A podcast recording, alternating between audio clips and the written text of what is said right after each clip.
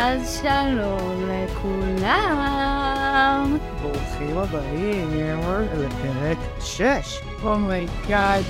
הגענו לפרק 6, אימא, וואו. התקדמנו, כאן בזה לא מה שזכרתי. וואו. טוב, אנחנו נעשה סרט אה, של קוונטין טרנטינו. אנשים התלהבו שאנחנו עושים קוונטין טרנטינו. אנחנו קצת התלהבו. אחרי כל החרא שזרקנו עליהם. אחרי כל הפנדומים. אה, כן, ותקשיב, יש, אני, אני בכיף בעתיד, אני גם אעשה עוד אה, פרקים על אה, סרטים שלו, כי בחרנו אחד מהסרטים, אבל יש לו עוד מלא דברים uh, מצוינים. Uh, והפעם באמת אנחנו נעשה את uh, ג'אנגו ללא מעצורים, אז אני אתן קצת, uh, קצת רקע. Uh, זה הסרט התשיעי שלו, uh, אם אני זוכר נכון, יצא בדצמבר 2012. הסרט, מה שגיליתי, הוא סרט שבכלל היה בהשראה של סרט אחר, שקוראים לו ג'אנגו, מ-1966. את זה אני לא ידעתי שאת השבוע בגדול. אה, אז הסרט הוא גם היה מערבון, כמו, כמו הסרט הזה, זה היה מין איזה אה, דוכן כזה, הוא נקלע למלחמה בין אמריקאים למקסיקנים בראיית, באיזה עיירת גבול כזאת, הוא עושה בובום והכל ומגניב. אה, שם זה לא היה עם... זה לא היה עם שחורים ועבדים, אלא זה היה נושא אחר, אבל גם הדמות הראשית קראו ג'אנגו, למרות שהוא היה אה, לבן, והסרט הזה, אני אדבר על זה בהמשך, לוקח קצת אה, אלמנטים מהסרט ההוא. נדבר קצת על אה, מי נמצאים בסרט הזה, אז אני נצלול כזה לדמויות שיש לנו כאן. אז יש לנו כמובן את, את ג'אנגו, אה, ג'יימי פוקס, המאוד אה, מאוד מוכשר. אה, אוקיי. אה, יש לנו את אה, דוקטור קינג שולץ. שמשחק אותו uh, כריסטוף וולץ, יש לנו את uh, קנדי, קפריו, יש לנו את uh, ברומהילדה, קרי וושינגטון, סטיבן וורן, ניק פיורי,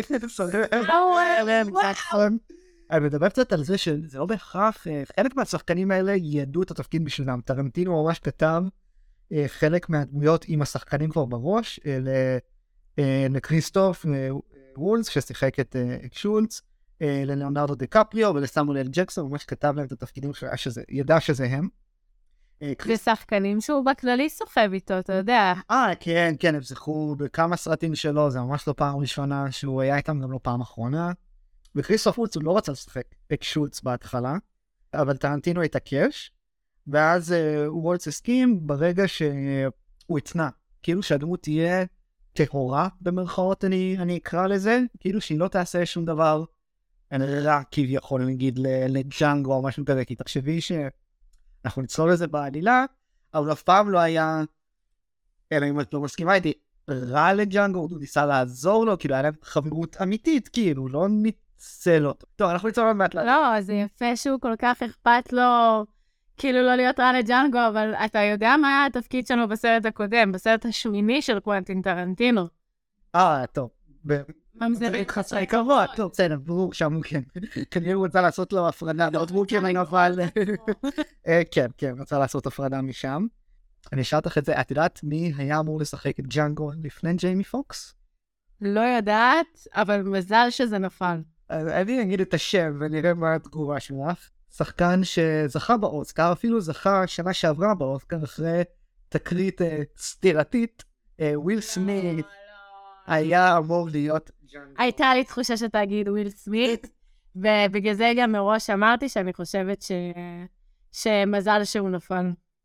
כן, אני פחות רואה אותו בתפקיד הזה עכשיו שראיתי את הסרט עצמו. Uh, כן, ג'יימי פוקס מאוד מתאים פה. ואם כבר דיברנו על אוסקר, נועה, את יודעת שזה הסרט הראשון אנחנו עושים, שזכה בפרסי אוסקר. באמת? כאילו, נוקמים לא זכו בשום זה. נכון, אני כל פעם נזכרת שהנוקמים האחרון לא זכה בכלום, אפילו לא במועמדות. כל כך עולב. טוב, אז uh, היו שני פרסים uh, שהם זכו. אחד, פר... אני אגיד, אני, אני רוצה שתנחשי. אחד מהשחקנים זכה בפרס משחק, מי את חושבת? אני לא אגיד מי, אני רוצה שתנחשי. זה או ג'יימי פרו, אה, כן? סמואל? זה לא לאונרדו דיקפריו. זה כריסטופר, זה שולץ. אה, זה שולץ. כן, הוא זכה באוסקר 2013 לשחקן המשנה. היה עוד פרס לטרנטינו על אה, תסריט מקורי. אה, בכל אה, אוסקר יש שתי קטגוריות של תסריט, אחד מקורי ואחד מעובד. טרנטינו קיבל על התסריט המקורי, כשנגיע בסוף לשלב. הדירוגים, זו הבעיה היחידה שלי בכל הסרט. אז נדבר על זה בשלב הדירוגים, אבל כן, אני גם הייתי מופתע, כי זה אני חושב אחד מהנקודות הפחות טובות בסרט. הוא כן היה מועמד לפרס הסרט הטוב ביותר באותה שנה, ומי שניצח באותה שנה היה ארגו. ראית ארגו? כן, אחלה סרט. עם בן אפלק, נכון? נכון. כן. טוב, יאללה, יש לצלול לעלילה. כן, אז קודם אנחנו נגיע לדיסקליימר, כי זה, בוא נגיד, סרט מדמם שחייב דיסקליימר. השמיעה היא על אחריותכם בלבד. הפודקאסט מיועד לאנשים בני 18 ומעלה.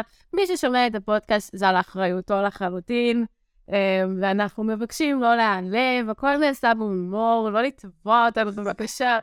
בייחוד לא עם הסרט הזה, כי דברים הולכים להיאמר פה. אה, יש לנו עוד דיסקליימר שאנחנו צריכים לעשות. אמנם אמרנו 18 ומעלה, אבל למרות זאת עדיין יש משהו אחד שאסור לנו להגיד, אז אנחנו נצטרך אה, מילה חלופית, נגדיר את זה ככה. אז אה, נועה, מה דעתך? איזה מילה אנחנו נגיד במקום המילה ההיא? במקום מילת הנון באנגלית, או מילת הכף בעברית, כן. שיפה שעברית היא ממש ממש כאילו רצתה מילה גזענית משל עצמה, שאני צריך לדבר על זה. אה, כן. תקשיב, אפשר תמיד אה, ללכת שמות אה, שהם גזעניים, לא רק לאנשים שחורים, אלא בכללי לכל מי שהגיע גם מצפון אה, אפריקה ומעדות המזרח. כי יש לך פה טכנית עדת מזרח. נכון. ואז זה פחות מעליב, כמו איזה שוורצה חיה, או פרנקים. בוא- בואי נגיד פרנקי. סתם, לא, לא, אנחנו נקרא להם עבדים או שחורים. סבבה.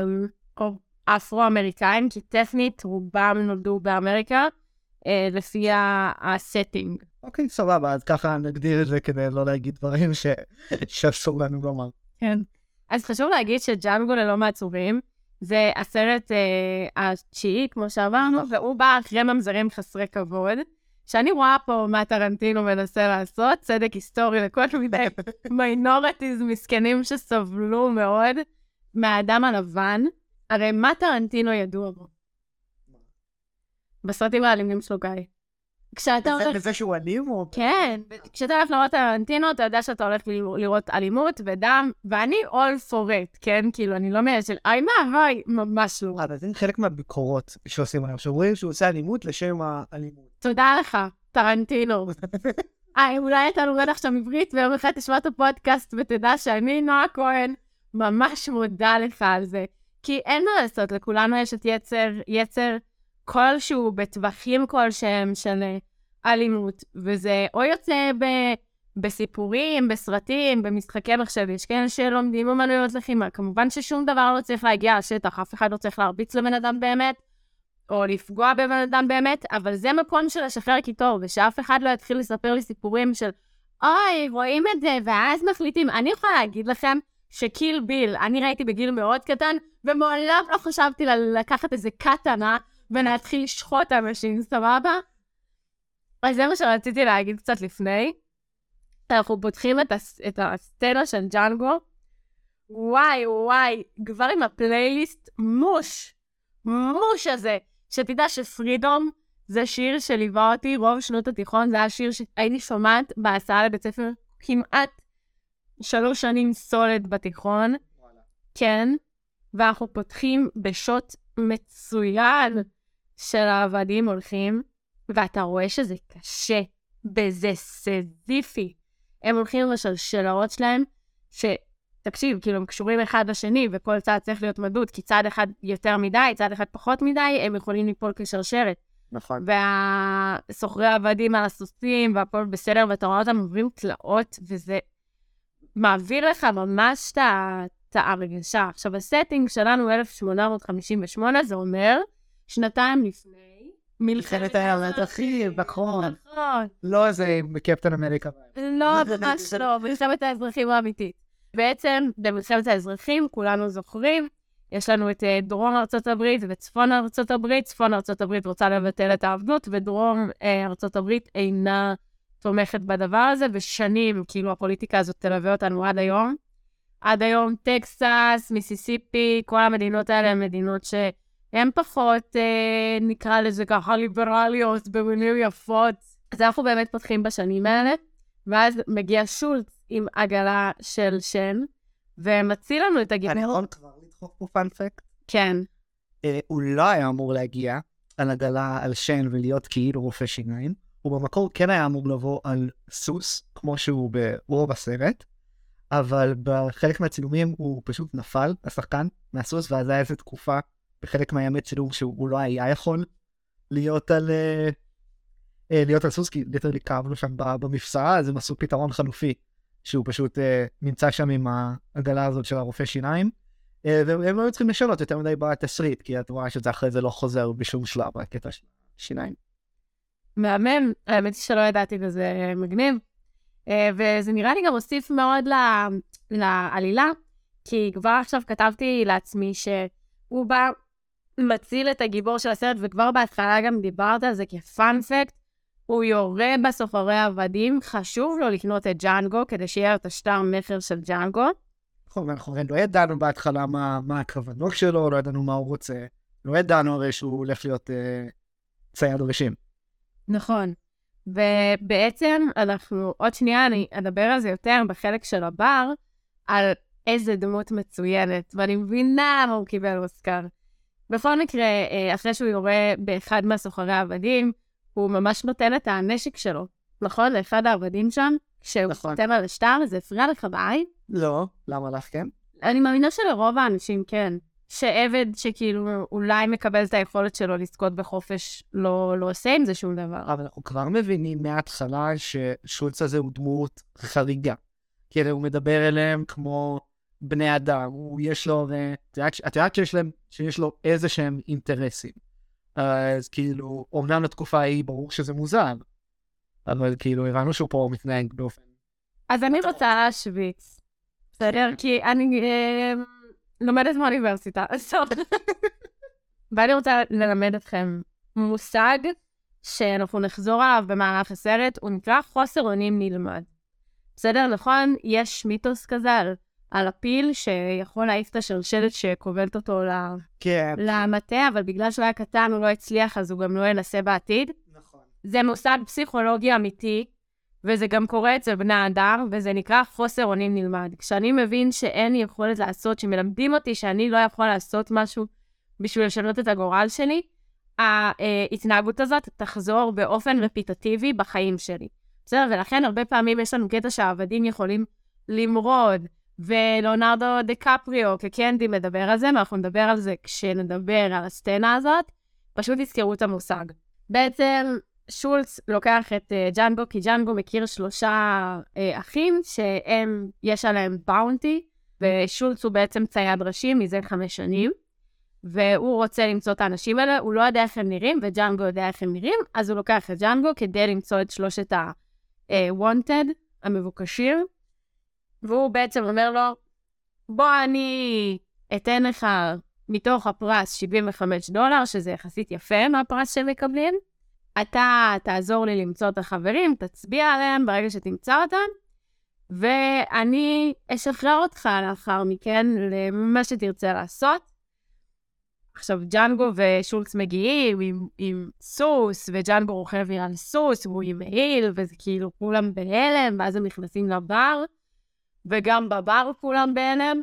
השריף מגיע, ושולץ יורה בשריף. כי השריף מבוקש, הוא מבקש, מה, הוא מבקש שיביאו את המרשל, ואומר למרשל שהשריף הוא מבוקש, ואם הוא רוצה, הנה שיראה שבאמת יש לו את השטר של, ה, של המבוקש, והוא מקבל על זה 200 דולר.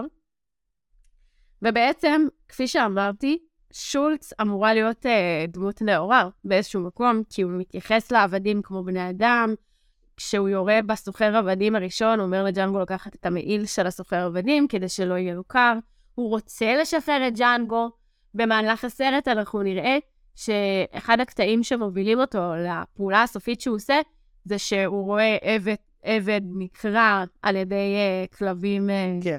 בשטח, והוא לא מוכן להשלים עם הדבר הזה, ואנחנו מדברים פה על ציין נשים, סבבה? עכשיו, תלמדו, דיסני, מארוול, כאילו, כל אלה ש... אבל יכולתי להציל אותו למרות שהוא עבריין. שולץ הוא דמות מצוינת כי הניגוד שלו הוא כמו, הוא כמו איזה, קצת כמו ה Peacemaker, יש לו Peacemaker המושג, כן. לא הסדרה Peacemaker. כמושג, אוקיי. כדמות. הוא, יש לו את הערכים שלו. מה שעומד בערכים שלו, זה מה שיקרה. הוא לא יכול לבגוד בערכים שלו. לו- אבל אם אנשים לא עומדים בסולם הערכים שלו, מגיע להם למות. זה אומר שאין לו בעיה לצוד ראשים של רוצחים, אנסים, גנבים, אבל יש לו בעיה להתעלל בבני אדם, או שיעשו משהו לא בסדר לבן אדם אחר. כמו איזה קיצוני דתי כזה, שלא רואה באמת את שני צדדי המטבע, אלא רואה את האמת שלו, ו-. ולכן שולץ היא דמות מצוינת, כי יש בה גם ניגוד מטורף, ואנחנו נגיע לעוד קטע כזה כשהוא וג'אנגו יהיה להם את המונטאז' אימונים סלאש ציד שלהם, ואנחנו נבין כמה זה עמוק בדמות. אבל יש לי שאלה. את לא חושבת שהוא לפעמים רגוע מדי? הרי בקלות נגיד בסיטואציה עם הבר ואלה שהם בחוץ, מישהו היה יורה בו אם הוא לא היה מספיק להסביר בזמן שיש לו את, ה, את השטר הזה של ה-wanted. תקשיב, זה פשוט דמות שהיא קלאסית של אה, סרט אקשן. דמות קלאסית שלא נבהלת.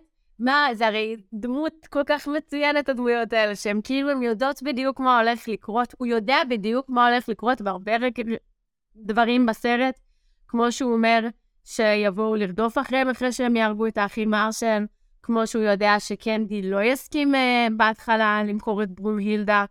הוא יודע, הוא מכיר את טבע האדם, זה הקטע שלו. שהוא ישר יודע מה הולך לקרות, זה כבר קרה לו כמה פעמים, הוא כבר מנוסה, יש לו את השיטה התמידית שלו של הנה, קחו את השטר, הנה פה, הנה, אני מציג לכם. כן, הוא עושה את זה כמה פעמים. וזה דמויה, דמות פשוט מאוד, אה, היא מופיעה הרבה בסרטי אקשן, איזה master planner כזה שגם לא, גם אם משהו משתבש, קצת כמו, כמו ריימונד מהרשימה השחורה, כן. בעונות הראשונות לפחות, שהוא יודע בדיוק מה הולך לקרות, ומה פה ומה שם, ו... והוא רגוע, כן, אבל דמויות לא יכולות הוא- להיות אף פעם, כאילו לנצח כאלה. הוא לא לנצח. כן, לא, אני אומר, זה הרעיון. אי אפשר שבן אדם תמיד יהיה שלושה צעדים לפני כולם. ברור, אבל uh, בהתחלה הוא כן. והוא גם גרמני. לא, מה, סליחה, אוקיי. שלא להזיז את האנשים האלה, עם כל הכבוד, ועוד גרמני של 1800. כן, הגרמנים של 1900 אנחנו פחות מתחברים. כן. בעצם אנחנו מבינים שלג'אנגו יש אישה, ושמה ברומהילדה, שהיא יודעת גרמנית, ברומהילדה פון שף, ושהיא בעצם נולדה כנראה בבית האח- ה- האדונים שלו היו גרמנים, ולכן היא קיבלה את השם הזה.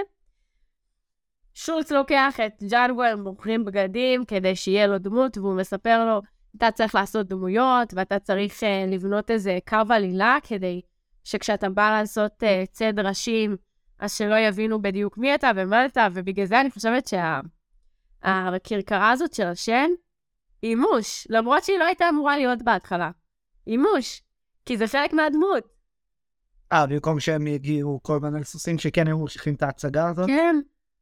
שולץ וג'אנגו מגיעים לאחוזה של בנט, שזה סתם איזה ווייט דוד. ג'אנגו מאתר את, ה- את האחים בריטל, שבגללם הוא בא. כל הזמן, אני חייבת להגיד, גם, כש, גם כשהם עוסקים בנושא ממש קשה, שזה עבדות, כל הזמן צחוקים, וכל הזמן גגים, וכל הזמן כאילו יש הומור כזה ש... בא והולך, בא והולך, שמקליל את כל האווירה הזאת, כי אם זה היה סתם סרט כאילו על עבדות, אנחנו היינו מתים.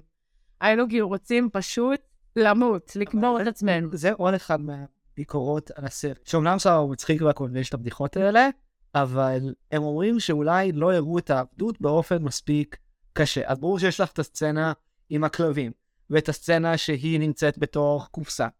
אבל כאילו אומרים ש... מי אומרים? מי אלה? האנשים האלה ששום דבר לא טוב להם. ותזכרי שגם במאי לבן, כן? יש אז כאלה שיגידו. תודה. אה, אז טרנטינו לא יכולת לעשות את ממזרי חסרי כבוד כי אתה נוצרי ולא התחתנת אז עם איזבן לנפיק, אז לא היה לך זכות. מה זה השטויות האלה? למי אכפת? נתנו, זה לא שהוא בא ואמר איכסה פיכסה, הוא ממש עשה כבוד. די, די, תפסיקו, תפסיקו עם ה-PC ועם הניכוס התרבותי שלכם, תפסיקו, מה אכפת לכם? עושים לכם כבוד. אה, לא, זה, אולי לא מספיק את העבדות. תאמינו לי שמהקטעים שהוא הראה, הוא הראה כמה זה קשה. ואם לא הבנתם שלהיות עבד זה קשה בתוך הסרט הזה, אז אתם לא מבינים בקולנוע. כי הוא נתן כל כך הרבה דוגמאות מצוינות. ושוטים, שוטים מדהימים, שאמורים להסביר לכם כמה זה קשה. ואין מה לעשות, אנחנו עוקבים אחרי, אח, לא אחרי עבד, אנחנו עוקבים אחרי מישהו שבעשר דקות הראשונות של הסרט הוא עבד, ואחרי זה הוא הופך להיות בן אדם חופשי. זה גם בשם של הסרט, כאילו זה ג'אנגו Unchained, כאילו הוא משוחרר, זה הרעיון. כן, וכשרק כשאנחנו הולכים לאחוזה של קנדי, אנחנו חוזרים לעולם הזה של העבדות. תפסיקו כבר. הוא גם חטף דברים, אבל בעיניי זה לא באמת טענה מוצדקת, וכל השיחה הזאת גרמה לי להבין שאמרנו הוא עושה כבוד ומתייחס לזה, זה שהשארת הבא שלו יהיה על היהודים, אולי הוא ככה ייקח מאשתו, לא בקטע של הגרמנים וזה, משהו לתרבות הישראלית, מחווה לחותן שלו, זיכרונו לברכה, צביקה פיק, משהו. אתה יודע, דמייני סרט של טרנטינו עם פסקול של צביקה פיק. אני אסביר לך למה זה לא יכול. הסיבה הפשוטה זה שכשטרנטינו בא לעשות סרט, הוא צריך רע שהוא רע מובהק.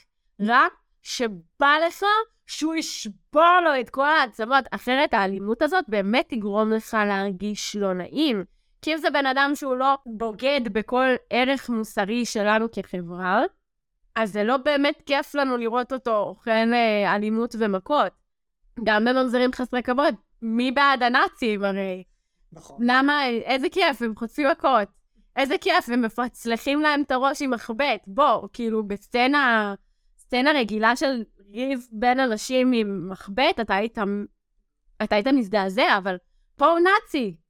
כאילו, מגיע לו. סבבה? עכשיו, גם פה הם כאילו סוחר, אה, בעל אדמה לבן, אדון שכאילו הוא לא פוחד להתעלל בעבדים שלו, לא בוחל באמצעים. אפילו באיזשהו מקום הוא סדיסט, הקנדי הזה. וגם כאילו, אה, קיל ביל, בסוף, אתה מבין בדיוק למה היא עושה את המסע נקמה שלה. ואתה רוצה שהיא תצליח במסע נקמה שלה. אתה רוצה שהיא תמצא את המאדר פאקר ששם אותה בקומה. אז הוא חייב מישהו שהוא באופן מובהק רע. הוא חייב. אז לכן לא נראה לי שהוא ייקח שום קונספט ישראלי, כי הנרטיב הישראלי הוא קשה ברמות. גם יקטנו אותו בעולם. כאילו, כי מי שנכנס לסכסוך. לא, הוא גם קשה ברמות. היום כשמסתכלים אחורה, נגיד היום, כל מיני גיבורי מלחמה של דרום ארצות הברית מתחילים להוריד את הפסלים שלהם, כי הם היו גזענים. אתה מבין? בגלל זה יש מלחמה עכשיו מול כל ה... בעולמות האלה, אבל כן, התחילו להוריד פסלים שלהם, כי הם היו בעד העבדות, אה, נלחמו בעד העבדות, והיום זה לא מתיישר עם הערכים הפרוגרסיביים שלך. הבנתי. קבל. למה אני כל הזמן צוחקת שהרבה סרטים חוזרים לנאצים? כי זה פשוט באמת הכי קל. כשאתה משווה את לוקי להיטלר, אז אתה, כבר כולם שונאים אותו. כן, והם עשו את זה, הרי דיברנו כבר בפרק שגם בפרק. הראשון. כן, אז זה פשוט לקחת אויב שהוא אויב מובהק.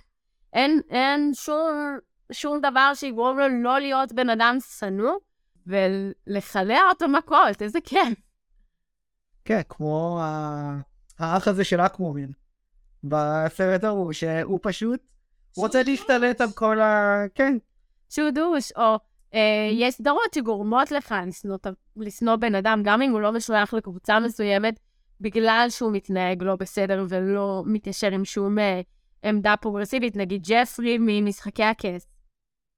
הוא היה פשוט ילד חרא, ילד זין, מ- מ- פסיכופת כאילו, ובגלל זה היית מאוד שמח, סליחה, כאילו, היה לו, שהוא מת. כן, היה לו גם עשו לו מוות אכזרי. מה, וואו, וכולנו היו מאושרים. נכון. רמזי בולטון, כשהוא מת, וואו, איזה אושר. סבבה, אתה מבין? זה כאילו, הם חייבים להיות רעים מובהקים כדי שבאמת אתה... שזה יגרום לך להרגיש טוב, המוות שלהם. פוי עליכם, אתם מרגישים טוב בזה שאנשים מתים. עכשיו פתאום אתם לא מרגישים כאלה פרוגרסיביים, אה? טוב, אז איפה היינו? הם מאתרים את האחים בריטל, לג'אנגו יש פלשבק כזה, פלשבק שהוא לא באמת פלשבק של פוסט טראומה, אלא פלשבק שאמור לספר לנו קצת, לתת לנו רמזים לגבי הסיפור שלו ושל... אה, אני אקרא לאשתו הילדה מעכשיו, כי ברום הילדה זה אה, ארוך מדי. אם שמתם לב, לא הוצאתי כינויים אה, ממש אה, מטומטמים לדמויות, כי באמת אה, כבודם במקומם מונח. כמו שעשינו לפרופסור הפדופיל. או לאבנג'רס. ואנחנו מקבלים קצת יותר שהם ניסו לברוח, סימנו אותם שהם עבדים שברחו, והצליפו בהם, ואנחנו כאילו ברגע הזה אנחנו רוצים שהוא לא יירה בהם, אלא שהוא יהרוג אותם בידיים החשופות שלו. סבבה, אבל הוא לא עושה את זה, הוא יורה בהם, והוא יורה בהם בצורה הכי כאילו satisfying בעולם. אחרי זה בעל האחוזה מגיע ואומר, מה זה, רצחתם את העובדים שלי? שולץ מסביר לו שהם היו אה, מבוקשים. בנט, בעל האחוזה, שהרגו לו את המנהלי עבודה, נקרא להם ככה, אז הוא רוצה נקמה בג'אנגו ובשולץ. בעיקר, בעיקר שונאים את שולץ, כי הוא מסתובב עם ג'אנגו. בסדר, אם שולץ היה יורה בהם, זה היה פחות חמור מאשר זה שג'אנגו הרג אותם. נכון. כי מבחינתם זה עוד יותר חסר כבוד שבחור אה, שחור הרג אותם. אז הוא מתכנן נקמה, ולמרות שה-KKK לא היה באותה תקופה, שמת לב לסרבנים הלבנים שהיו מובהק, כאילו, סימול של ה-KKK. נכון, לא, זה חד משמעית היה הם. אני גם לא יודע מה אני חושב על הסצנה הזאת, כי הם, הם, הם עשו אותה מאוד הומוריסטית, עם הקטע של ה... עם מסכה עלינו, בלי מסכה עלינו, כאילו, הבנתי שהוא ניסה להעביר פה משהו, אבל נראה לי שהבדיחה שהליינים עשה כבר אחרי שתי דקות שזה המשיך. כן, זה היה ארוך מדי, אבל זה מסביר הרבה טמטום שהולך בכל מיני סיטואציות רציניות בחיים, ודווקא אהבתי את זה מאוד. זה היה קצת יותר מדי פרוגרסיבי כשהם התחילו להתנצל שם. על אוי, סליחה שהעלבנו את אשתך, אבל בקטע שהם סתם מתווכחים בהתחלה זה פיפי. כי ככה זה גם בחיים עצמם, זה לא הכל רציני. זה כאילו, גם באושוויץ היו צחוקים. לא הרבה, אבל היו. כי הומור זה משהו אנושי. נכון. גם אה, אם כבר אה, השם של הפודקאסט שלנו, זה לא מה שזכרתי, ג'ונה היל היה שם. כן, אני לא זכרתי את זה. כן, אה, הייתי בשוק. לחלק מאוד קטן, אבל כן. כן.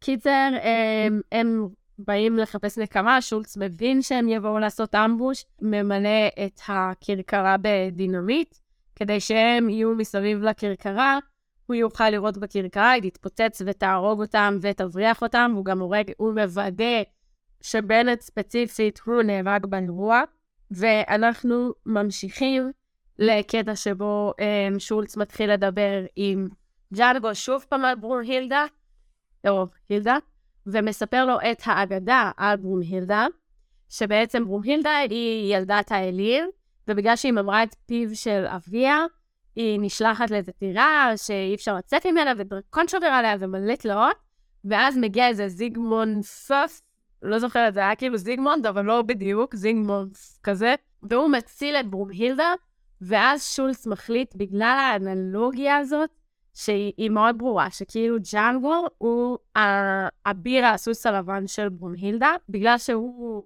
חייב לעזור לג'אנגו, כי זה כמו לעזור ב- בסיפור אגדות, בסיפור אהבה מאוד מאוד גדול. אז הוא אומר לו, סבבה, אנחנו, תקשיב מה נעשה, אנחנו שנינו נשאר ציידי ראשים לאורך החורף, ואז אנחנו נלך ואנחנו נחפש את ברומהילדה ואנחנו נמצא אותה, ואני מבטיח לך שאתם תהיו ביחד שוב. יש לנו מונטאז' אימונים כזה של uh, ג'אנגו, שהוא כזה מתחיל על שליפות, ואני מאמינה שזה היה האנלוגיה למערבון שעליו uh, ג'אנגו מבוסס, ויהיו לנו עוד קטעים כאלה של... Uh, כל מיני קריצות לעולם המערבונים שאנחנו יודעים, שהשפיע מאוד על הקולנוע של טרנטינו. נכון, יש לך כל הזמן את השוטים המהירים הזה, כן, שאת שומעת את המצלמה כאילו זזה ומתמקדת בפרצוף של מישהו, שזה קרה כמה פעמים. אה, אז אה, הוא מאוד אוהב את הדברים האלה, היו הרבה רמיזות. ואז הייתה סצנה חשובה, שגם דיברנו עליה, שג'אנגו ושולץ מגיעים ללראות במישהו שהיה ראש כנופיה. משהו כמו 7,000 דולר על הראש שלו, שזה פרס מדהים לאותה תקופה, והוא הלך, הקים חווה באיזה אזור נידח בטקסס או בטנסי, באחת המדינות שנמצאים בה עכשיו, והוא בחווה חורש עם הילד שלו. ג'אנגו מרחוק יש לו ירייה נקייה עליו. ובעצם ג'אנגו לא מצליח לעשות את זה בהתחלה, כי הוא אומר, אני לא יכול להרוג בן אדם מול הילד שלו. ואז שולץ בא ואומר לו, בוא, בוא נקרא ביחד את המודעת מבוקשים, תבין מה הבן אדם הזה עשה, ואז תגיד לי אם אתה באמת לא מוכן לראות בו מול הבן שלו. אמ, והם, הוא מקריא לו וזה, ופה עוד יותר נחשף המוסר הכפול הזה של שולץ, החי...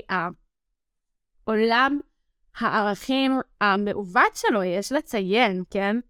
אף אחד לא רוצה לראות את, הב... את אבא שלו נרצח מול העיניים, לא משנה איזה פשע הוא עשה. ושולץ אומר לו, אבא שלו מגיע לו למות. גם אם זה אומר שעכשיו אנחנו צריכים לראות מול הילד באבא שלו, וג'אנגו לוקח את הירייה, וזה משהו שילווה, ג'אנגו גם מכריע זה בגלל זה, יהיה לו הרבה יותר קל עם אכזריות אנושית, שהוא, שהוא רואה אותה בהמשך, בייחוד באחוזה של קנדי, כי הוא כל פעם זוכר מה המטרה. המטרה היא הילדה. וזה לא מעניין אותי כמה גופות יערמו בדרך, גם אם הם של שחורים או עבדים, שהוא לפני רגע היה במצב שלהם. הוא מבין שזה עולם של... Mm-hmm. הקם להורגך, השכם להורגו. ואם מישהו צריך למות ואני לא יכולה להציל את כולם, זה מה שאני אעשה. אז הם מסיימים את... Uh, יש להם עוד איזה מונטאז'ים עולים שם וזה, ונגמר החורף.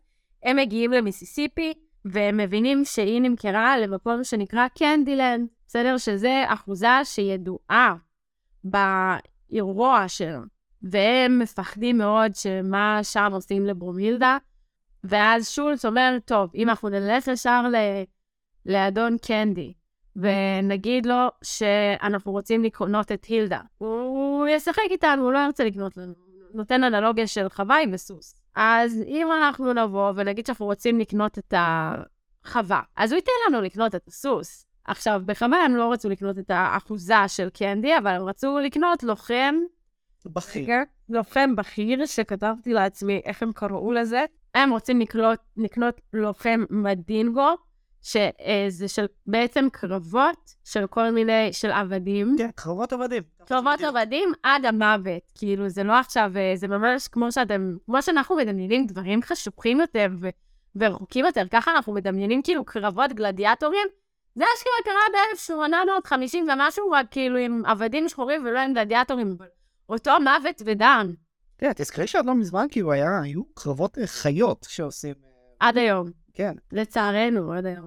הם אומרים, אנחנו נרצה לקנות איזה, איזה אלוף שלו של אה, מדינגו, ואז אה, נוסיף את ברומיד על העסקה, בקטע שהוא לא ישים לב. אנחנו מגיעים בעצם, אה, שולץ יוצר קשר עם העורך דין של קנדי. ג'אנבו מקבל בעצם תפקיד של סוחר עבדים שחור, שהוא כאילו אמור להיות המומחה בקרבות מדינגו. הוא שונא את הדמות הזאת, אבל הוא הולך איתה עד הסוף. כאילו, הוא אומר, מה שייקח כדי להציל את הילדה, לא מעניין אותי, אני מבחינתי קוראת גם ברית עם השטן עצמו. הם מגיעים לקנדי, מתחילים לדבר איתו, אנחנו רואים מה זה קרב מדינגו בסצנה ממש אכזרית, שבו אה, האלוף של קנדי שובר למישהו את, עם הפטיש את הראש. הם עושים איתו כל מיני משחקי שעשועים, קנדי מאוד מסוקרן אה, מג'אנגו, ואתה יודע, באותו הרגע ליאל קצת אה, בא לראות מה, איפה אני ובאיזה חלק של, של הסרט, ואז עושה לי, מרגיש לי שלאונרדו דיקפריו קצת טוב בסרט הזה. ואז אמרתי לעצמי, הוא באמת ממש מסתכל מוזר על, אה, על ג'יימי פוקס, כאילו על ג'אנגו, ואני חושבת שזה מושלם, דרך אגב. חצי לא רואה אישה בסרט הזה, כי היחידה שיש שם זה... אה, לא, אני לא אומרת שהוא... אני אומרת שהיה לו איזה מבט סקרנית שוקתי כזה, על סף כאילו, על סף, שכאילו מאוד מעוניין בג'אנגו, אבל מצד שני לוקח step back. ואני חייבת להגיד, הרבה נאמר על ליאונרדו דה קפריו. אני חושבת שהוא שחקן מצוין בהרבה מאוד מהסרטים שלו. יש סרטים שלא, אבל באמת כאילו לרוב, גרייט גטסבי זה אחד הסרטים שאני הכי אוהבת, סבבה? ופה הוא נותן לנו משחק מצוין של דמות שתכלס רוב השחקנים, אני לא יודעת אם הם בכלל היו רוצים לשחק אותה. דמות באמת אה, רעה, והוא משחק את קנדי בכל כך הרבה חן ו- ויופי, ו... הוא גם בדרך כלל לא משחק את הדמות הרעה. נכון. וטרנטינו אמר לו, כאילו, הוא פחד. ואז טרנטינו אמר לו, כאילו, תקשיב, אם אתה עושה את זה רע, אז אתה עושה את זה רע. אחרת אנשים ישנאו כאילו את איך שעשית את התפקיד הזה לעולמי העולמים. אז כאילו אתה צריך להיכנס בזה עד הסוף. קנדי זה תפקיד מצוין שלאונרדו דקפריו עשה, והוא באמת, אה, בגלל זה יש כל כך הרבה, כל כך הרבה מימים שלו, ואני חושבת שאולי זה מה שאחרי זה גרם לו כן לקחת את אה, הזאב מוול סטריט. כי זו גם אה, דמות שהיא... כאילו דמות ראשית, אבל היא... ואם עסקיננו בזה לא מה שזכרתי, יש בה מקנדי, דרך אגב. נכון. מאותה דמות של ג'אק. כן, כן, אבל כאילו, זה ממש יצא מן הסתם. אחרי. כן, כן. אז הם uh, מגיעים לקנדילנד כדי לקנות uh, לוחם הדינגו. הם מציעים סכום מופרז של 12,000 דולר, שזה כאילו משהו שהוא וואו, בשמיים. אנחנו מגיעים לאחוזה, ואנחנו גם כוססים את הציפורניים, ואנחנו לא באמת יודעים מה קרה לברומילדה. אנחנו ראינו אותה בחזיונות. כן, ואנחנו לא יודעים באמת מה עלה בגורלה, והוא מדבר על זה שיש הרבה מאוד אופציות למה יכול לעלות בגורלה, כשהכי גרוע מהם זה בין אונס למוות, כן? בין כאילו, היא נערת שעשועים, שזו מילה מכובסת לאנשים אנסים אותה, כי כאילו אשת נחמה כזאת, או, אמ, או שהיא מתה, או שמתעללים בה. אף אחד לא יודע. אופציות גרועות. הכל גרוע, הכל נורא. כי בגלל שסימנו עליה את הסימן שהיא ברחה פעם, ויש לה את הצלקות על הגב, אז לא ייתנו לה להיות מהמייט, כאילו מהמשרתות. אה, דרך אגב, בקנדי יש אישה, יש לו אישה שחורה. היא לא נשואה אליו, אבל היא כל הזמן הלכת איתו, היא המאהבת שלו. אה, כן, הבנתי. כן. אז אנחנו מגיעים לאחוזה, אה, סליחה, אנחנו לא מגיעים. ובדרך, אם לא דאגנו מספיק להילדה, אז בדרך הם פוגשים איזה לוחם בדינגו שברח. יש איזה קטע שקנדי עושה לו טוב, שילמתי עליך 500 דולר, אז כאילו, איך אתה מפצה אותי? כי לא השתתפת בחמש קרבות, והבחור מתחנן על חייו, אל תחזיר אותי להילחם, אני כמעט מתתי שם, בבקשה, אני מתחנן, אני פה, אני שם. ואז שולץ מציע לפצות את, אה, את קנדי. בוא, אני אשאר לך 500 שקל על הלוחם הזה, והכל בסדר, אנחנו סוגרים את הדיל. ג'אנגו... היה לנו כבר ברור, בסדר הזה בתור צופים, שזה לא ייגמר. ג'אנגו מבין שאם שולץ עושה את זה, הוא הורס להם את הכיסוי. כי מה, ועכשיו אה, אתה בא, מתווכח איתי על לוחמי מנדינגו, אבל פתאום, כאילו, סתם איזה אחד אתה מוכן לשלם עליו 500 דולר? וג'אנגו בלי למצמץ, וזה בדיוק מה שאמרתי, שהוא ממוקד מטרה, הוא אומר, אנחנו לא נשלם עליו 500 אה, דולר, וזה לא מעניין אותי, ושנינו יודעים שהוא לא באמת לוחם אה, טוב, והוא נותן לכלבים של קנדי לקרוע את, את העבד המסכן הזה, ושולץ, זה רודף אותו עד סוף הסרט, הסצנה הזאת והרגע הזה, וג'אנגו ב... לא רואה בעיניים, הוא יודע מה המטרה, המטרה היא גילדה, וזה לא משנה כמה אנשים אני אצטרך לפ... כאילו, באמת, איזה שביל של דם אני אשאיר אחריי, העיקר שאני והילדה נהיה ביחד, או העיקר שהילדה תהיה בטוחה. שים לב, כאילו גם לא אכפת לו אם לא יקרה משהו כל עוד הילדה תהיה חופשיה. מגיעים לאחוזה, אנחנו פוגשים את סטמואל ג'קסון. שהוא, יש לו דמות מצוינת, מצוינת, מצוינת של סטיבן. ששונה מהדמויות הרגילות שלו, שזה אני מאוד אהבתי. כן, אה, אז דיברנו על למה הוא, למה הוא לוקח אה, תפקידים. אתה זוכר שאמרת ש... אה, כן, כי הוא רוצה לראות בכמה סרטים, הוא יכול להגיד מה פאקר, והוא פשוט רוצה להיות... הוא אומר מעט מאוד בסרט הזה, אבל הוא אומר הרבה את אה, לא. מילת האם. נכון, אבל מעבר למילת האם, הוא עדיין מתנהג פה כמו, כמו בוס, שזה מה שהוא אוהב לעשות. אבל. אבל זה העניין, הוא כאילו עבד שהוא מעל העבדים. כן, הוא בכיר, הוא מנהל. הוא כמעט, אה, הוא כמעט ברמה של איש לבן, נקרא לזה ככה. אפילו הקונפליקט היותר גדול. בינו לבין ג'אנגו, ברור. נכון, כי הוא בעצם כביכול נמצא בצד של, של הלבנים, של קנדי. לא רק שהוא נמצא בצד של הלבנים, הוא כאילו העבד המבוית, נקרא לזה ככה, אל מול ג'אנגו, שברור לך שהוא, שהוא איזה חיית פרא. זה כמו הכלב והזאב, אתה מבין? כלב, הוא נמצא בבית של האדם, הוא אמנם לפעמים נותנים לו מכה על האף, לפעמים כועסים עליו, לפעמים הוא לא, לא עושים את מה שהוא רוצה, אבל הוא מקבל אוכל ומים, הוא נהנה מה, מהסיטואציה הזאת ומהסטנדרט הזה, וג'אנגו הוא זאב. נכון, אני חושב גם שהוא בא להעביר פה ביקורת טרנטינו על אנשים מהקהילה השחורה ש... מאוד מיוצגים עם הקהילה הרפובליקנית, שמאוד אנטית לשחורים, כל ה... נגיד קניה ווסטים למיניהם וכל האלה. כי הוא בא בעצם להראות, האנשים האלה, איך הם מתנהגים. אנשים שוכחים מה קורה לעוד אנשים בעם שלהם. אני חושבת שבכללי הסרט הזה עובר את- על אנלוגיה ועל אה, על ניגודים. ובגלל זה הסרט הזה הוא סרט באמת מצוין. אני רצה פה על העלילה, אבל כאילו תראו את זה, ובכל שוט אתם מרגישים קונפליקט. בכל סצנה, באמת, אם היינו יכולים, הייתי לוקחת את, ה- את הסרט הזה והייתי כל סצנה מחלקת לכם לפסקה, איזה, איזה שוט ראינו, מה ראינו, מה הסאונד, הסאונד טרק הוא מטורף, הוא מטורף, הוא מטורף. איזה קונפליקט זה מייצג, מה האנלוגיה של מה שהם משתמשים בו. בסדר, אתה גם צריך לדעת הרבה על התרבות האמריקאית כדי להבין הרבה מאוד מהאנלוגיות שטרנטינו משתמש בהן. אם אתה לא מכיר את התרבות האמריקאית, אתה לא תבין. נגיד שהחבר'ה שבאו לתקוף אותם, זה קצת רפרנס ל-KKK. נכון. ובעצם סמואל אל מול, אל מול אה, סטיבן, נקרא לו. סטיבן, מול ג'אנגו זה בדיוק הכלב המבוית שקיבל את אה, מורת גורלו אל מול הזאב, שלא מוכן שיבייתו אותו, ולכן הם גם שונאים אחד את השני, וסמואל, אה, סליחה, וואי, סטן, סטן הוא זה שמקרקס לג'אנגו את כל התוכנית, והוא זה שהרבה יותר רוצה את ג'אנגו. מת או מעונה מאשר קנדי ו... או כל בחור לבן אחר בסרט הזה. כי הוא כאילו פתאום, איך אתה מעז? איך אתה מעז להיות מעליי, ואיך אתה מעז בכלל לחשוב שאתה כמוהם. אבל זה לא שקנדי הוא לא כזה, פשוט סטיבן הוא חכם, הוא זה שהצליח לעלות על זה. לא, לא, שהם מכירים. סטיבן שונא אותו, כי אה, ג'אנגו כאילו בוגד באיזה משהו מאוד מאוד עמוק ב- בערכים של סטיבן. הוא שונא אותו כי הוא, הוא הניגוד, הוא הניגוד לו. נכון. אז אה, אנחנו מגלים שהילדה באותה לילה ניסתה לברוח, אבל היא בצינוק, והכלבים לא קרעו אותה לגזרים. ג'אנגו עוד שנייה מאבד את זה, מוציאים אותה מהתינוק, מהצינוק בסצנה מזעזעת, בקטע מחריד, שופכים עליה שמיים, ושולץ כזה אומר לקנדי, "אה, שמעתי שיש לך אה, מישהי, איזה שפחה שהיא אה, מדברת גרמנית, ואני אשמח שהיא תבוא לחדר שלי לפני שנדבר, בקטע של אה, הא-הא-הא, טה-טה-טה, כאילו תנדאי נאי, והוא בעצם אה, רוצה להפגיש אותה עם ג'אנגו.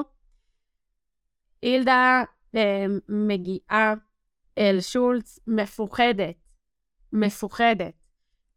הוראי לשחקנית, דרך אגב, כי זה היה סצנה של כאילו אנחנו ידענו ששולץ לא יעשה לה שום דבר, אבל אנחנו הרגשנו את החרדה שלו עדיין, היא הייתה חרדה ממש, כי היא ידעה מה יקרה לה בחדר הזה, ובהפתעת החיים שלה זה לא קרה.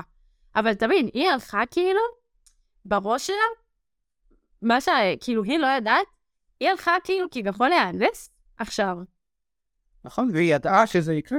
והיא העבירה לנו את זה בצורה מצמררת. היא רואה את ג'אנגו מתעלפת. ליטרלי מתעלם. עכשיו, אומנם זה היה טיפה מוגזם כביכול ומוקצן, אבל זה היה, זה היה טוב. לא, אבל היא גם הייתה מתוחה. היא הייתה מתוחה והייתה בלחץ, והיא כל רגע חשבה שמשהו אחר לחלוטין יקרה, וגם ההוא מדבר אליה בגרמנית, היא בכלל לא מבינה מה הוא רוצה, מדבר איתה בכל מיני אנלוגיות. יש לנו חבר משותף. אתה ממילא מדבר בגרמנית, וממילא קנדי לא דובר גרמנית, אז תגיד את המילים כ- כ- כדברם. אבל הוא לא רצה לרמוז לה, הוא לא רצה להגיד לה בגרמנית שהיא הולכת לפגוש את בעלה. כי הוא לא רצה שהיא תסגיר את זה מול קנדי או מישהו שם מהאחוזה.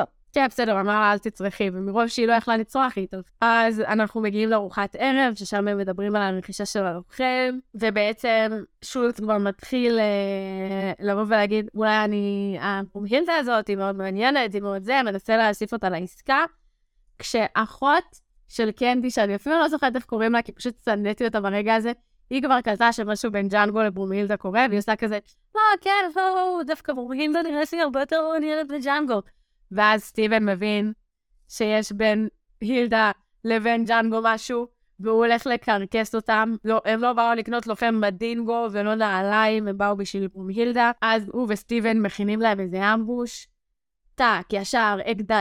אקדחים, שטויות, טרילילי, טרללה. אמ, קנדי ב... במונולוג של הרייך השלישי, שולף להם שם את הגולגולת של ה... של העבד של אבא שלו ושל סבא שלו ושלו, מראה איזה שלוש נקודות שאמורות להעיד על צייתנות, משהו, משהו מטומטם. עכשיו, הרבה פעמים אנחנו, כמו שאמרתי, אנחנו רואים בסרט כל מיני דוגמאות לכל מיני חבר'ה שיכולים לברוח, שלא עושים את זה, שיכולים לעשות דברים uh, מסוימים ולא עושים את זה כעבדים. ועוד פעם, אתם צריכים לזכור, כאילו הסרט הזה כל הזמן יושב על האנלוגיה הזאת, ואתם צריכים לזכור את המושג שהתחלנו איתו, חוסר אונים נלמד. הוא אומר, בסוף, אנקל uh, בן הם קראו לו, לעבד הזה, הוא יכל לחטוף את סבא שלי, את סבא שלי ואת אבא שלי, הוא כל בוקר היה מגלח אותם. 70 שנה הבן אדם הזה חי איתנו, לא רצף אותי כילד, לא רצח את אבא שלי. אם כל העבדים פה היו קמים עליי יום אחד, אני הייתי מת. מספר מלא סיפורים, ואז הוא אומר, אבל הנה, הם לא עושים את זה, כי במוח שלהם, בגולגולת, יש שלוש נקודות שמעידות על צייתנות. זה לא נכון. אה, כי זה חד משמעית לא נכון. אה, ברור. אבל הם האמינו לזה. בגלל זה אמרתי... אבל שנים האמינו לזה. בגלל זה אמרתי שזה כאילו הסברים של הרייך השלישי, כן? כן. זה כאילו, על אותן תיאוריות נבנה תורת הגזע, והכל בסדר, ואני ואתה בכלל אה, תתי אדם, לפי אה, אותה תורה הזו, ובעצם זה לא נכון, כי מה שיש לעבדים האלה זה לא משהו מכני אורגני במוח שונה, או בכללי לגזע מסוים. פשוט הם, הם בחוסר אונים נלמד, הם נולדו לעבדות, הם הבינו שמי שלא מתנהג כמו שצריך ישלם את המחיר, הם לא רוצים לשלם את המחיר, ולכן הם דואגים לעצמם. וגם אם זה אומר שאני אזכה לארוחה חמה ולמיטה טובה, ושללבוש בגדים חמים בחורף, אני לא ארצח את הבן אדם. כי הוא, בסוף, האנקול בן הזה, כאילו, אם הוא היה באמת היה מורד, והיה חותך לאבא שלו את הגרון. היו יורים בו באותה שנייה, נו בחייאת. בכל מקרה אנחנו ממשיכים. קנדי מציע לג'אנגו ולשולץ לקנות את ברומילדה ב-12,000 דולר, שזה המחיר המקורי שהם היו צריכים לקנות את המדינגו, אה, כי הוא מבין שהנה, הילדה שווה משהו כי היא אשתו של ג'אנגו והם רוצים אותה בכל מחיר. הם משלמים את ה-12,000 שקל, שטר מכירה וזה, ואז יש קטע שקנדי ממש רוצה ללחוץ לשולץ את היד. בקטע מתריס, הם כבר השטר מכירה אצלם והכל. הוא מתחיל לאיים עליו שאם הוא לא ילחץ לו את היד, אז העסקה מבוטלת, וילדה חוזרת. ואז יש קטע שאני לא אוהב. עד עכשיו הייתי בסרט, הכל טוב. שולץ יורד בקנדי. אוקיי, מה הבעיה? שולץ יורד בקנדי, ואני אסביר לכם, עושים לנו כל מיני פלשבקים לאירועי הבוקר, שבו הוא ראה את העבד נקרע מול העיניים שלו, טה-טה-טה-טה. אמ, ואז כאילו, אתה אמור להבין למה הוא ירה בקנדי, כי כאילו קנדי מסמל את כל מה שרע בעיני שולץ בעולם הזה, אבל הוא באותה ירייה הרס את כל הסיכויים של ג'אנגו והילדה, ולכן נכון. זה לא מסתדר לי עם הדמות. כי הדמות הזאת היא לא דמות אה, אימפולסיבית, היא מאוד מאוד מפוקחת והיא מאוד מאוד מחושבת, ואני חושבת שזה היה פאק בעלילה, שהם היו צריכים פשוט לקדם את העלילה, והם קצת נתקעו, והם החליטו כאילו לתת לו איזה משהו אימפולסיבי, אבל תכלס, תכלס, אם היינו מדברים על אירועי אמת, הוא לא היה עושה דבר כזה. אני אגיד לך מה אני חושב. אם הוא לא היה יורה בו, נראה לך שבאמת הוא היה לוחץ לו את היד, וקנדי היה נותן להם לצאת משם בשלום? נראה לך שזה באמת היה בתוכניות שלו? אה, קנדי הוא איש עסקים, ולכן כן הוא היה נותן להם לצאת בשלום, וכל מה שאכפת לו זה כסף. אני לא בטוח. אבל, אבל, אבל, אבל, ואני רגע אומרת, אני דווקא חשבתי, אני ידעתי איך הסרט הולך, אבל בדיעבד, חשבתי, היה עדיף שהם היו מחפשים נקמה בקנדילנד. מתחמשים והולכים לרצוח שם את כולם. אה, כאילו הם היו, הוא היה לוחץ לו את היד, יוצאים וחוזרים אחרי זה? כן. כן, אבל זה מה שהם עשו כבר, הרי מקודם. בנט הזה, איך שלא קוראים נכון, אז למה, כאילו, אני מבינה לא, למה צריך לחזור, כן. זה. אבל כאילו, אתה מבין, זה כאילו פתאום, זה הרס לי את ה... זה, זה באמת אחד הדברים היחידים שבגללו, מבחינתי, ג'אנגו, הוא לא סרט, אה, סרט של חמש. זה מה שהרס לי את הסרט. יכול להיות שזה פשוט היה תירוץ בשביל להתחיל לקרוא עכשיו.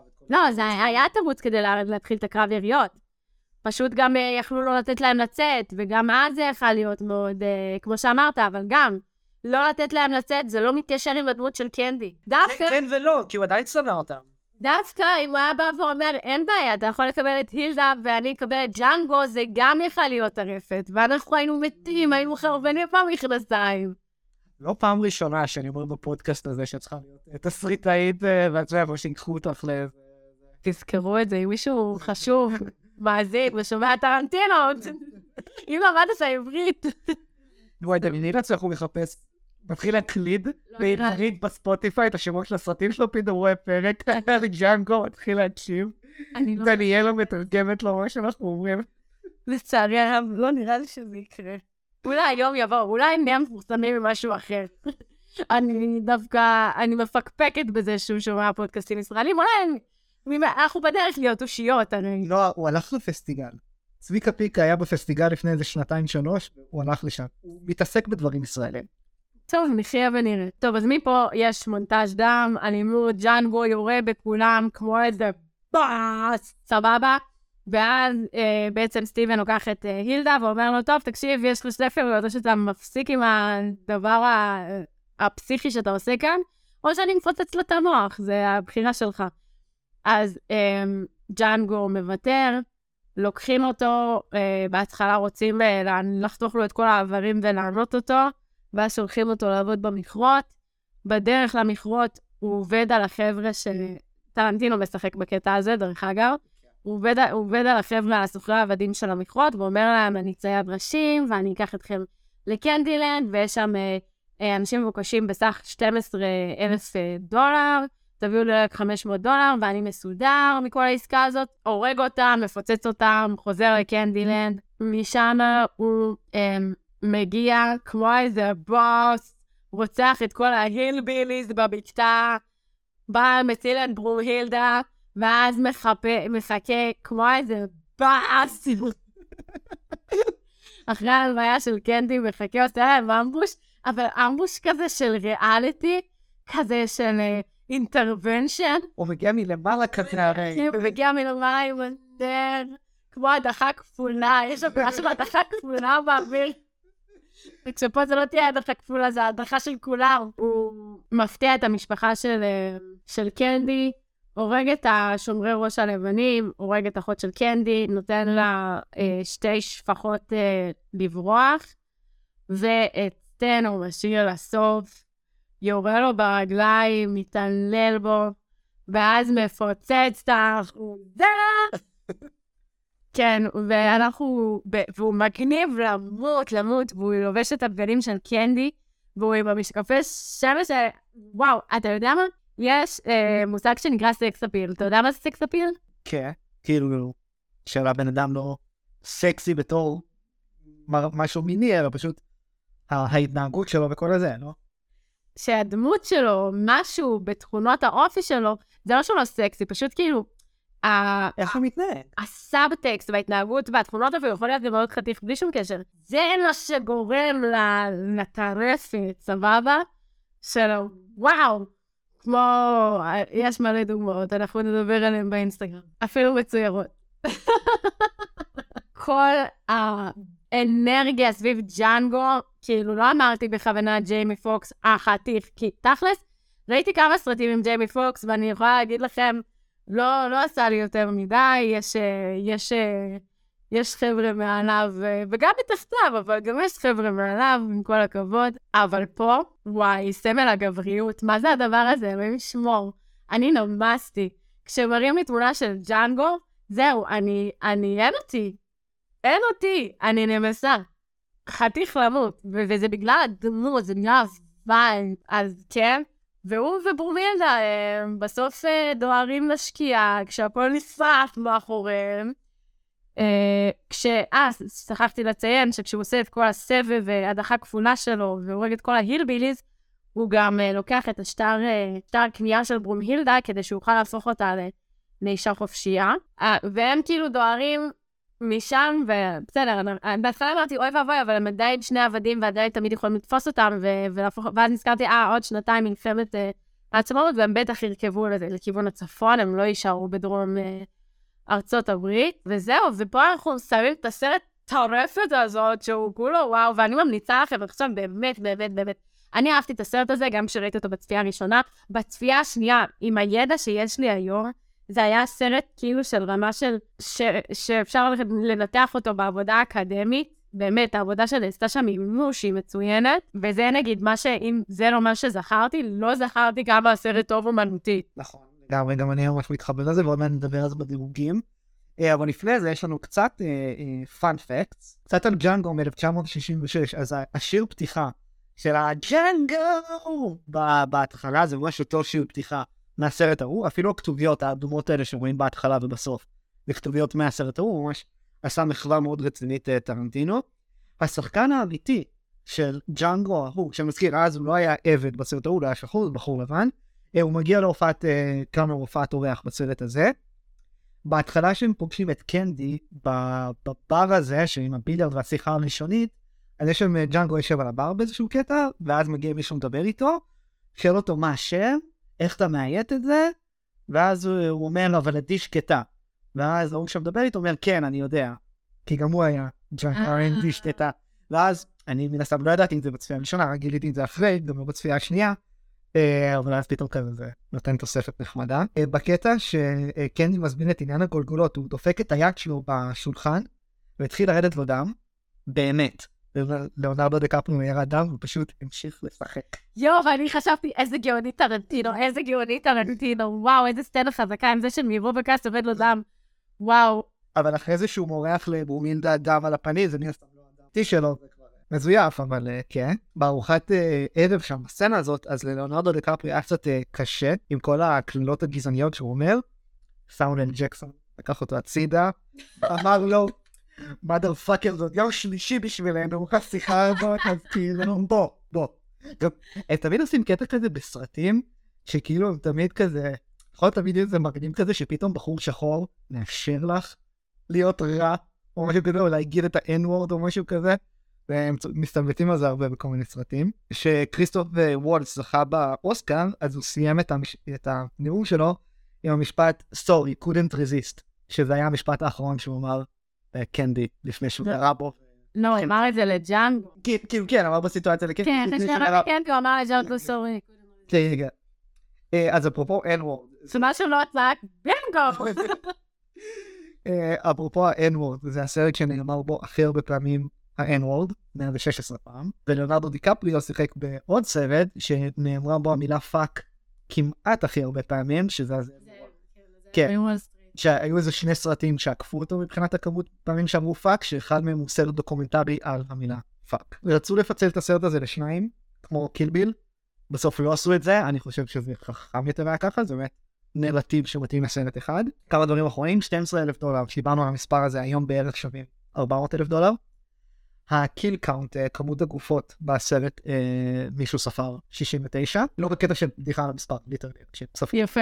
זה כמות ההרוגים. עוד משהו יפה של uh, רמז מטרים, uh, שולץ אומר במהלך הסרט, I for one don't intend to die in Chickasaw County, Mississippi. הוא אומר, אני לא רוצה למות באיפה שהחווה של קנדי נמצאת.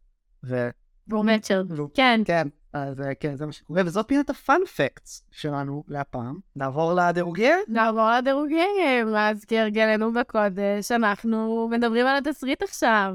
נכון, אז הפעם נעשה סקאלה, יש הרבה יריות בסרט הזה, נעשה 1 עד 5 כדורים. אוקיי. תסריט, למרות שזה זכה באוסקר, בפרס התסריט, אני אתן שלוש. ארבע וחצי. על כן? הפאקים שוב. כן, למה אתה תיתן שלוש? אני- אני אהבתי, אני אתמקד יותר בקטע של המשחק, אבל רוב התסריט לא סחף אותי יותר מדי, לא הרגשתי שממש... זה לא הדברים שיותר אהבתי. טוב, אני חייבת להגיד שמי שלא אוהב אומנות בסרט, זה גם יש סיכוי שהסרט מרגיש קצת נמרח מדי. לא הרגשתי שהוא נברח, הרגשתי שפשוט התסריט לא בהכרח היה השיא, לא אחד מהשיאים של הסרט. טוב, פייר. לא רק שכן, כן, העלילה והכל והמשחק כן, היה טוב, אבל זה דמויות.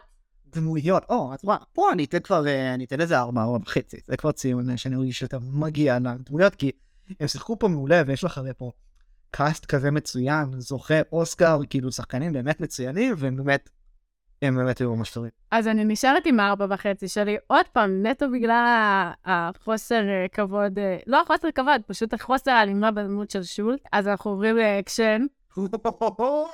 טרפת, אהבתי מאוד. אני אוהבת את השפריצים של דם של טרנטינו, למרות שהם לפעמים לא הגיוניים, אבל גם את הלא הגיוני הוא עושה הגיוני, ולא כמו ב Vampire Diaries שאתה רואה שהם שותים מספטל, כן? אז כמה את נותנת?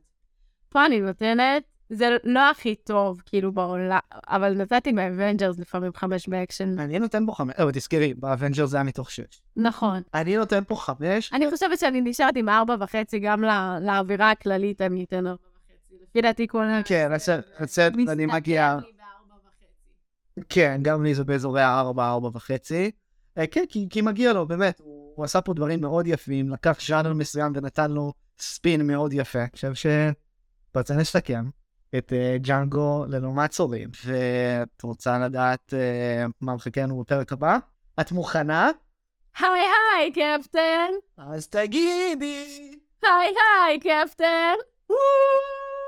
אז uh, בפרק הבא אנחנו הולכים לעשות את בובספוג הסרט. וואו! הסרט כולכם בובי בוטן. כולנו בובי בוטם. אה, הסרט זמין בנטפליקס, תראו אותו, ויחד נגיע לפרק הבא, הולך להיות ממש ממש כיף. אה, וכמובן, תמיד, אה, כמו תמיד, תגיבו, דברו איתנו, דרגו אותנו בכל הפלטפורמות. אנחנו בסושואל, אני ממש... אני שכחתי, אני לפעמים כותבת סטורי של אני וגיא, ואז זה כאילו מרמז על זה שאני מפעילה את הסושואל. לא, אנחנו כולנו, כולנו פה ביחד. גם מילה שלא איתנו לאור תקופת המבחנים. היא תחזור, היא תחזור, אנחנו בונים עליה. טוב, אז נתראה בפרק הבא. ביי ביי. ביי.